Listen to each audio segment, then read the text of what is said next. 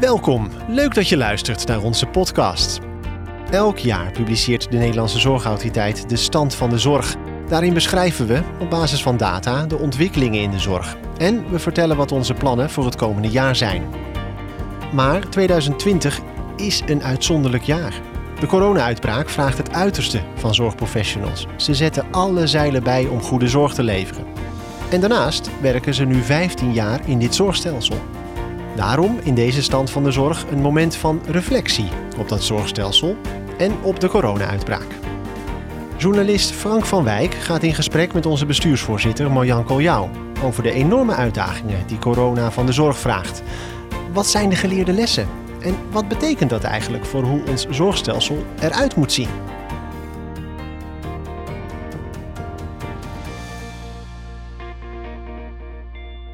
Marjan, we spreken met elkaar in een bijzonder jaar. Niet alleen voor de maatschappij, maar ook voor de zorg.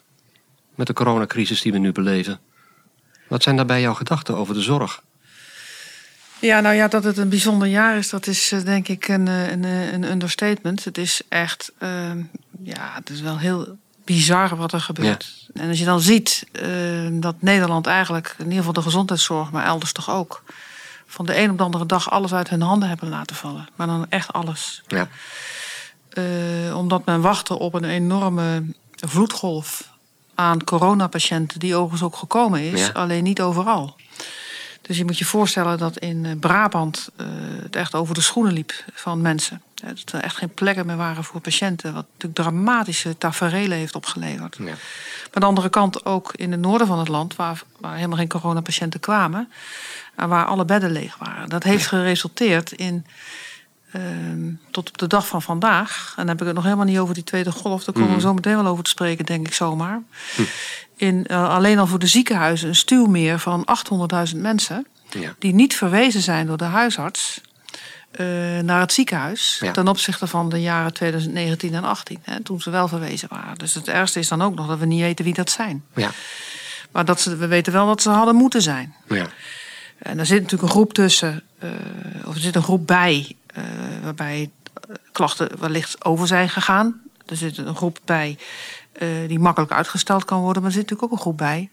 eh, die hadden we natuurlijk wel moeten behandelen. En die gezondheidsschade die dat tot gevolg heeft, die kennen we nog niet eens. Het gaat nog komen. ja.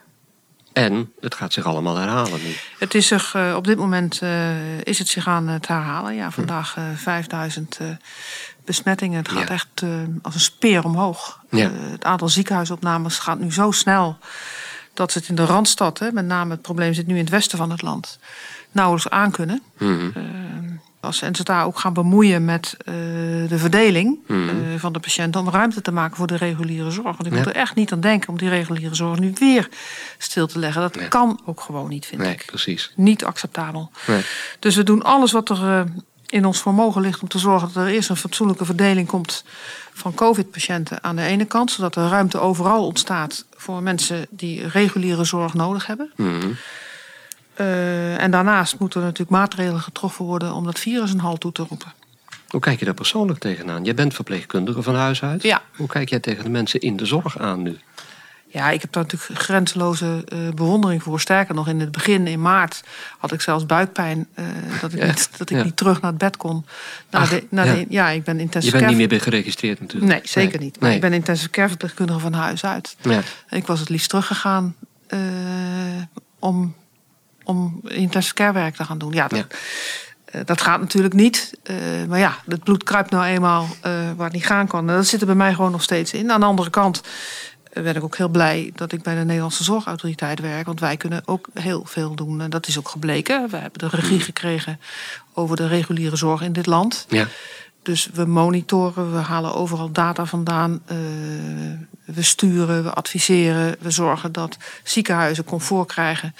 Doordat ze vergoed worden als het gaat om onkosten die ze extra maken. Of gederfde inkomsten.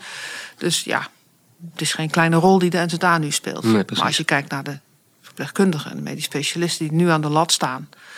Voor eh, die corona, ja, dat zijn toch de hoofdrolspelers. Eh, en daar moeten we het wel van hebben. ja, precies. Ondertussen hebben we ook nog gewoon de dagelijkse realiteit. Waarin ons stelsel aan het einde van dit jaar 15 jaar bestaat. Ja, In zijn huidige vorm. ja. Eventjes een korte reminder. Waarom kwamen we ook alweer op dit stelsel? Ja. Ja, de rode draad was toen, dat weet ik nog heel goed, uh, solidariteit. Mhm. En uh, met, daarmee bedoelden we eigenlijk uh, bedoelden we twee dingen mee. Ehm, iedereen recht op dezelfde zorg. Ik heb nog gewerkt in mijn opleiding. En toen vonden we dat heel normaal. Dat was nou eenmaal zo. Dan had je klassenafdelingen en je had gewoon afdelingen. Ja. Ja. En uh, daar denk je dan helemaal op die leeftijd niet zo heel erg over na. Tot je ziet wat het verschil is tussen alleen al het eten wat mensen kregen. Ongelooflijk, echt waar. Ja. Mensen die op klassenafdelingen lagen, die aten gewoon een soort business class. Ja. En de rest die at gewoon economy class. Het is natuurlijk ontzettend goed dat dat voorbij is. Nu is het gewoon, het maakt het niet uit uh, wie er komt. Mm -hmm. welke achtergrond, wat voor mensen het zijn. Iedereen heeft gewoon recht op dezelfde basiszorg. En dat is geregeld in een goed verzekerd pakket. Ja. Dat is de grote winst. Daarnaast natuurlijk solidariteit. Hè? Mhm. Rijke mensen betalen voor arme mensen. Gezonde mensen betalen voor zieke mensen. Dus het is een enorme winst als je kijkt naar de situatie daarvoor in de ziekenfondswereld. Mhm. Hè? Tweedeling en torenhoge kosten. Dat is kennelijk iedereen vergeten, maar dat was wel zo. Dat was wel zo, ja, klopt. Ja. Dus het is ja, winst. Ja. En als je dan kijkt naar die crisis van dit jaar, dan vind ik het ook wel heel bijzonder om te zien dat dit stelsel, dat kan ook tegen een stootje. Hè? Dat haalt het wel. Dat haalt het. Dat, je Hmm. ziet het. Ja. Als dit geen lakmoesproef is, dan weet ik het niet meer. ja, dat klopt. Wat doet in dat stelsel het begrip marktwerking? Ja, die, die marktwerking die is ook, daar is iedereen ook mee aan de haal gegaan. En Ja, die gebruikt het werkelijk te pas en te onpas. Maar we hebben geen echte marktwerking in de zorg. Hmm. We hebben gereguleerde marktwerking. Dat is iets totaal anders. Dus Ja. dat betekent dat we spelregels hebben vastgesteld... om te zorgen dat die solidariteit gerealiseerd wordt. Niet meer en niet minder dan dat. Ja. En als je al een beetje competitie zoekt en wil vinden, dan is dat altijd op het onderwerp kwaliteit. Dat is ook de bedoeling geweest eh, van die zorgverzekeraars, dat die veel meer zouden sturen op kwaliteit. Ik moet zeggen dat dat stuk is wel onderbelicht gebleven. Dat Hmm. kan nog een heel stuk beter. ja, want daarin hebben jullie natuurlijk een toezichthoudende rol. Ja. Nou ja, we hebben een toezichthoudende rol als het gaat om zorgplicht Mhm. bij zorgverzekeraars. Hè, dat eh, de mensen de zorg krijgen eh, die ze nodig hebben. en dat dat gefaciliteerd wordt door de verzekeraar waar zij bij verzekerd zijn. Ja. Als het gaat om kwaliteit, dan doet dat natuurlijk de inspectie eh, voor de volksgezondheid ja. en jeugd. Maar ik vind toch wel, ik vind het wel een belangrijk punt wat je aansnijdt. Want ik, wij, wij eh, zijn bezig met de voorbereiding van een eh, advies passende zorg. Dat doen we samen met het Zorginstituut. En daar nemen we dat punt wel op. Hmm. Actueel onderwerp. Ja, ik vind het ook. Ik Ja. vind het ook. En ik, ik, ik, ik, loop het, ook- ik ga het ook niet uit de weg om gewoon te zeggen dat kwaliteit belangrijk is. En ik vind echt dat zorgverzekeraars op kwaliteit moeten inkopen, natuurlijk. Daar betaal je premie voor. Ja. Wat heeft het stelsel tot nu toe opgeleverd?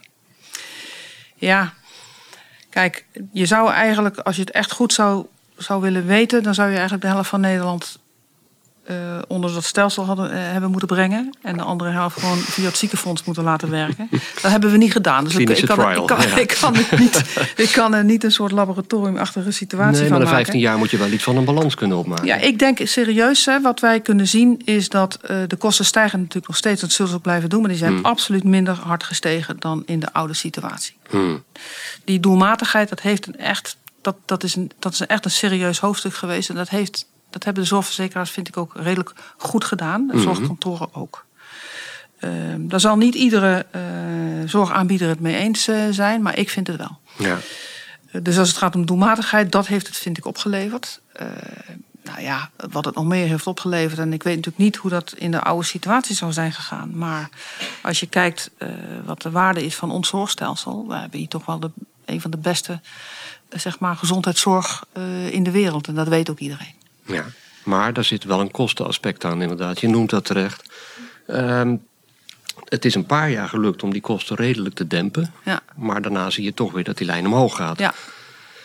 Ja, ja, jullie Nederland- staan voor de betaalbaarheid van de zorg. Ja. Wat betekent dat nou voor jullie? Ja, nou ja, kijk, ehm, eh, we zien natuurlijk een enorme vergrijzing. Mhm. Mensen worden ouder, mensen krijgen gewoon meer aandoeningen en meer klachten. Dus goedkoper gaat het niet worden. Mhm. Eh, aan de andere kant is het natuurlijk wel heel, ehm, en, en dat is wel mooi, dan gaat het advies passende zorg, het woord zegt het al, hè, gaat daarover. Is dat we wel willen gaan kijken van nou, ehm, niet alleen naar doelmatigheid, maar ook draagt het nou daadwerkelijk bij aan het functioneren van mensen en aan de kwaliteit van leven. Ja. En dat is natuurlijk niet altijd zo. Een voorbeeld wat uh, lang niet iedereen uh, graag wil horen, is bijvoorbeeld die faillissementen van de Amsterdamse ziekenhuis en Lelystad. Ja. Daarvan hebben we gezien dat de meeste zorg is overgedragen aan uh, ziekenhuizen in de buurt. En dat is gewoon goed gegaan. Mhm. En 40 procent, en dus eigenlijk meer, volgens mij is het 45 procent, en dat weten we ook, van de mensen die in behandeling waren, alleen in Amsterdam, die hebben we nooit meer gezien. Dus die zorg, die zeggen wij dan, die is verdampt. Dat Ja. mogen we niet zeggen, maar die is dus verdampt. Dus er is gewoon een percentage zorg wat we geven Mhm. in Nederland wat niet nodig is. En ik denk in het licht van de betaalbaarheid en de stijging van de kosten, dan zijn we dan onze stand verplicht om dat er in ieder geval uit te halen. Ja. Dus ik vind dat iedereen moet de zorg krijgen die nodig is. Eh, daar staan we ook voor. Mhm. Maar zorg die niet nodig is of die niet bijdraagt, eh, daar moeten we echt mee stoppen. Maar dat gezegd hebben, er is toch nog steeds heel veel discussie over het stelsel. Het is ook na die 15 jaar niet af. Een stelsel is nooit af, denk Nee, ik. nee, nee. Maar er zijn wel verbeterpunten. Eh, ja, ik noem het altijd graag eh, dat je. Kijk, een, stelsel is niet zaligmakend. Eh, dus ik ga gewoon niet zeggen dat dit het beste stelsel is van de wereld, want dat is het niet. Vast niet. Mhm. Ehm, maar de invoering van een ander stelsel gaat echt geen probleem oplossen. Wat je wel zou moeten doen, steeds opnieuw, is zo'n stelsel doorontwikkelen. Mhm. Waar loop je nou tegenaan? Nou, een van de grote dingen waar we nu tegenaan lopen, eh, ook zo'n lastig onderwerp, dat is de productieprikkel. Ja. Eh, ja, je kunt natuurlijk ontkennen dat die er nog is, maar die is er gewoon. En, eh, en, en we hebben het ook gewoon zo georganiseerd. Wij betalen namelijk gewoon voor het verrichten van behandeling. Van behandelingen. Ja. Dus hoe meer je behandelt, hoe meer je krijgt. Ja. Zo simpel is het. Dus op het moment dat we die productieprikkel zouden kunnen omvormen eh, naar een prikkel die bijvoorbeeld bijdraagt aan digitalisering van zorg, Mhm. of een toetsing, of het daadwerkelijk bijdraagt aan het functioneren van mensen. Wat is jullie rol daarin? In het die gaat om- verfijning van het stelsel? Ja, nou ja, de- met name de betaalbaarheid, maar ook de toegankelijkheid. Mhm. Op het moment dat je alles blijft doen wat kan, dan stagneert dat op twee punten. De toegankelijkheid aan de ene kant eh, en de betaalbaarheid aan de andere kant. Mhm. Dus je moet het midden zoeken tussen wat daadwerkelijk bijdraagt, wat echt nodig is, wat niet meer nodig is. eh, maar ook de verantwoordelijkheid naar de premiebetaler, dat die zometeen niet de helft van zijn inkomen kwijt is aan premie. Het RIVM heeft die, heeft die berekeningen gemaakt. Ik gebruik hem vaak, dat staatje dat we in 2040 bij ongewijzigd beleid toch zo'n eh, 175 miljard euro kwijt zijn aan alleen de zorg. Ja. Ja. 2040. Dat is, Ja. over 20 jaar. Dan Ja, dat is dichtbij, Dan gaan, ja. mensen gewoon een derde van hun inkomen kwijt zijn aan zorg. Ja. Aan, aan premie. ja. En er is nog niks gebeurd.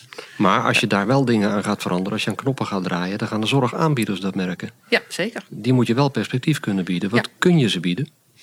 Nou, we hebben wel mooie voorbeelden. Hè? Als we kijken naar Amsterdam-Noord, dat is echt, de- dat is echt de moeite waard. Hè? Daar zijn we een lange tijd geleden al begonnen. Mhm. Om te kijken van, nou, hoe ziet zo'n Amsterdam-Noord er nou uit? Nou, er wonen nu zo'n 120.000 mensen. Ehm, en wat we zien is dat er eigenlijk heel veel aangeboden wordt wat niet nodig is. Ehm, maar ook heel veel niet wordt aangeboden wat wel nodig is. Dat is heel... Dat doen we Maar dan heb je het niet per se over zorg. Dan hebben we het eh, over een combinatie van zorg en een combinatie van welzijn. Ja, zeg maar het sociaal domein. Ja. Nou, die 120.000 mensen daar in Amsterdam-Noord, een hele grote groep, is een zwak sociale groep. Die heeft het gewoon moeilijk. Hè, die zitten in de schulden, die, eh, die roken, die hebben een ongezonde, leefstijl. Ehm, en wij hebben eh, dit jaar een, een, een, een, deelonderzoekje gedaan in Amsterdam-Noord. En dan zagen we dat er behoorlijk wat 85-plussers op de spoedeisende hulp terechtkwamen. 75-plussers Ja. eh, van het Bovenij ziekenhuis. En die kwamen allemaal met hartklachten. Ja. En bij nader onderzoek bleek niemand het aan zijn hart te hebben. Maar ze maakten zich wel enorme zorgen. Ja. Dus waar we nu naar zoeken, samen met Amsterdam Noord, dat zijn echt alle professionals, de aanbieders eh, en de gemeente Amsterdam, is welke interventies zou je nou kunnen laten losla- eh, loslaten op die groep 75 plus. Wat hebben die mensen nou nodig om geen klachten te krijgen en zich gewoon wat beter in hun vel te voelen. Ja, en meestal zijn dat interventies op het gebied van sociaal domein, eenzaamheid, hulp bij het uit de schulden komen, schuldhulpverlening of eh, een gezondheidscoach of wat meer bewegen. Nou ja, noem het maar op. ja.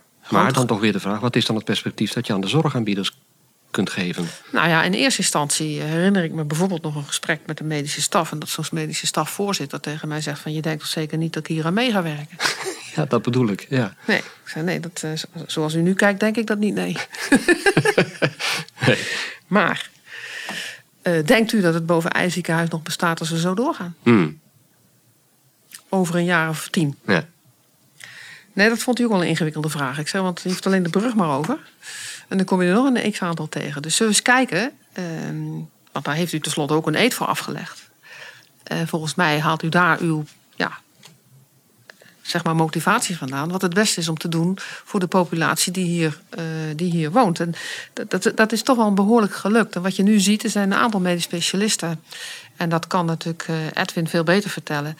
Die gaan gewoon. De bestuurder bedoel je? ja, de bestuurder Edwin van der Meer is dat. Die, kan, die, die, die, die, die gaan gewoon eh, de, de wijk in. Die gaan bij huisartsen eh, aan de slag en die vinden het ontzettend leuk. Ja. En de generatie medisch specialisten die er nu aankomt, Hmm. jonge mensen, veel vrouwen, die vinden het helemaal geweldig. Ja. Die focussen echt op gezond gedrag. Ja. En het juist minder opereren, maar beter zien, functioneren. Dat is, po- ja, dat is gewoon.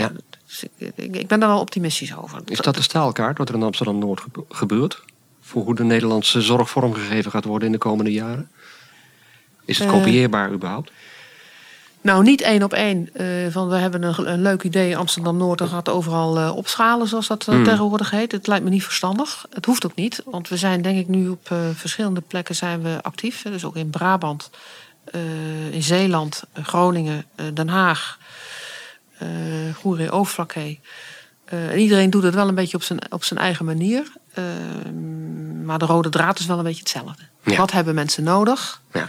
Eh, en overal kom je toch eh, erachter dat dat sociaal domein een ongelooflijk belangrijke rol speelt. En dat daar ook de mogelijkheden liggen om het te voorkomen. ja. Dan heb je het toch over een forse verandering. Is dat een verandering die je binnen het huidige stelsel kunt Ja, bewerkstelligen? ik ben van overtuigd van wel. Ja. En waarom is dat ook het beste? Nou, het is misschien niet het beste, maar het is wel het makkelijkste. Want? Nou ja, kijk, weet je, stelsels lossen geen problemen op. Mensen lossen problemen op. Eh, en ik ben de eerste die, hè, als, er, als, er, als er wetten zouden zijn nu, die zeggen van ja, dat maakt het echt onmogelijk om die verandering door te voeren, dan moet je de wet wijzigen. Natuurlijk moet je de wet dan wijzigen. Maar je gaat eerst nou eens kijken of het kan. En ik zie gewoon in Amsterdam Noord dat het kan. Ja. Dan moet je misschien wel de regels een beetje oprekken. En, maar goed, eh, ik ben daar niet te beroerd voor om dat te doen. Hmm. Dan heb je het met uiteindelijk- name over financiering, neem ik Ja, aan. bijvoorbeeld. Ja. Ja. Ja, ja, ja, je kunt je voorstellen dat als je natuurlijk in, de, in het ziekenhuis eh, minder te doen krijgt, heb je ook minder inkomsten. Hoe je het ook ja. regelt, je houdt altijd minder inkomsten. Ja. Het werk wordt verzet in het sociaal domein. Eh, en die hebben meer kosten. Ja. Dat is natuurlijk een beetje onevenredig. Dus je, zou die, je moet wel wat aan die geldstromen doen. En Ja. ik ben ervan overtuigd dat dat kan. Hmm. Binnen de huidige eh, wet en regelgeving. Juist. We, we kunnen laten zien dat het kan. Dus als je zegt van waar zitten dan wel de belemmeringen? Ja, die zitten natuurlijk toch in de mensen.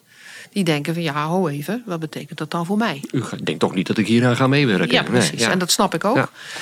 Eh, want bestaanszekerheid eh, is voor mensen ongelooflijk belangrijk. Mhm. Ook voor mij. Dus het is, dat, dat, dat, snappen we. Daar zijn we mensen voor. Dus ik vind het een enorme uitdaging om eh, te kijken naar perspectief. Voor iedereen. Want Ja. één ding is zeker. Eh, in de zorg, daar is genoeg werk de komende jaren. Daar hoeft niemand zich zorgen over te maken. Dat het verandert, ja, evident. Ja. Dat je overbodig wordt, nee hoor. Bedankt voor het luisteren. Meer informatie vind je in de stand van de zorg op onze website nza.nl. En houd ons vooral ook in de gaten op LinkedIn en Twitter.